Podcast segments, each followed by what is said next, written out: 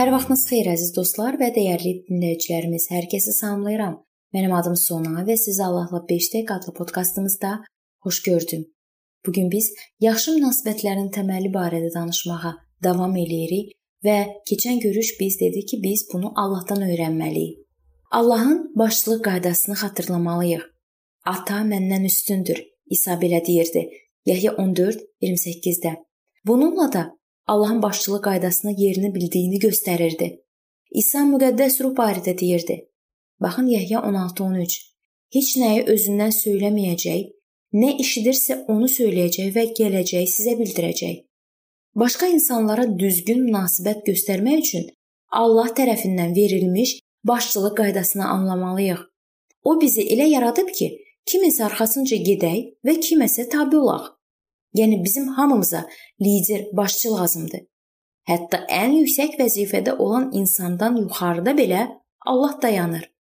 Əgər bu adam Allahın niyyətini ignor etsə, Allahın təyin etdiyi vaxtda tutduğu vəzifəni itirəcək.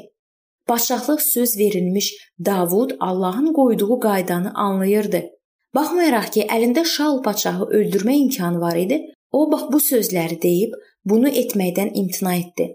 1-ci Padşahlar 26:9 Bax, Rəbbin məhs etdiyinə əl qaldıran günahsız sayılarmı? Mənfi nümunə kimi Allahın qaydalarını anlamayan Qorahı xatırlayın. Bu sayılar kitabı 16-cı fəsildə yazılıb. Müəyyən qədər şöhrət qazandıqdan sonra ətrafına pərəstişkarlarını yığdı ki, əhəmiyyətliyini hiss etsin. Daha sonra o Musanı və Aviranı özlərini Allahın xalqından üstün tutmaqda ittiham etdi. Musa Qorahın ittihamının ciddiliyini anladı və üz üstə yerə yıxıldı. Təəssüf ki, Qorah öz dostları ilə ondan nümunə götürmədilər və Allah öz qaydalarını bərpa etmək üçün yeri aralamalı oldu. Nəticədə Qorah və ətrafdakıları yer utdu. Lakin Allahın tezliklə Qorahı mühakimə etməsinə baxmayaraq, Problem bu günədək qalmaqdadır. İnsanlar müəyyən vəzifə tutduqdan sonra Allahın onların üzərinə başçı qoyduğu şəxslərə laqeyd yanaşırlar. Onlar hesab edirlər ki, Allahın başçı qoyduğu şəxslə heç olmasa bərabər hüquqlu olmalıdırlar. Buna görə də onlar həmin adamı dəstəkləmək əvəzinə onu ittiham etməyə başlayırlar. Beləliklə dağıntılara və kasıbçılığa şərait yaradırlar. Xüsusən də bu imanlar cəmiyyətində baş verəndə. Nəhayət Allahın təvəzzökarlığı barədə düşünün. Bu Allahın oğlunun dünyaya köməksiz bir körpə halında gəlməsi kimi başqa heç yerdə bu qədər aydın təzahür etməmişdi. O yer üzündəki valideynlərinə tabe olaraq böyüdü. Allah surətində olduğu halda və Allaha bərabər olsa da özünü aşağı tutdu Filippillərə 2:6-7. Əslində biz özümüzü aşağı tuta bilmərik. Çünki insan günah etdikdən sonra onsuz da ən aşağı səviyyəyə enir. Amma nə isə bir şey edə bilərik. Biz bizi öz gözümüzdə əzəmətli göstərən öz mənimizdən və qürurumuzdan imtina edə bilərik. Biz başqalarına bəzi hallarda özümüzdən yuxarıda olmağa şərait yarada bilərik və İsa kimi onlara itayətli ola bilərik.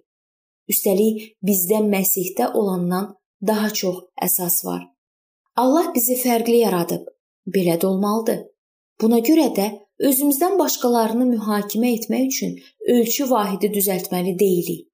Əgər kiminsə hakimiyyəti bizimkindən çoxdursa, ona daha çox hakimiyyətinin verildiyini və ya əgər kimsə bizdən güclüdürsə, deməli fiziki məşqlərə çox vaxt sərf etdiyini və ya əgər kimsə bizdən daha uzaq görəndirsə, məqsədinə çatmaq üçün həddən artıq inadkar olduğunu və ya kimsə unutduğumuz və ya edə bilmədiyimiz bir şey edirsə, çox iddialı və təkəbbürlü olduğunu düşünməməliyik.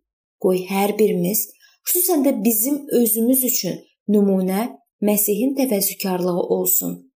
Qorumalı olduğumuz əzəmətimizin olmadığını dərk edəndə rahatlana bilərik. Öz mənimizdən tam azad olduqdan sonra Allah kimi sevə bilərik və onun qaydasına tabe ola bilərik. Onda bizim istənilən qarşılıqlı münasibətimiz xeyir-dua olacaq. Bu mövzunun davamını isə biz növbəti görüşümüzdə araşdıracağıq.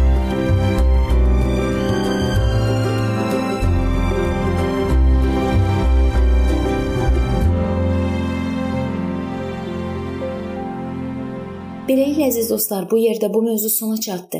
Hər zaman olduğu kimi sizi dəvət edirəm ki, bizim podkastlarımızı Facebook səhifəmizdən və YouTube kanalımızdan dinləməyə davam edəsiniz. İndi isə mən sizinlə sağollaşıram və növbəti görüşlərdə görmək ümidi ilə sağ olun, salamat qalın.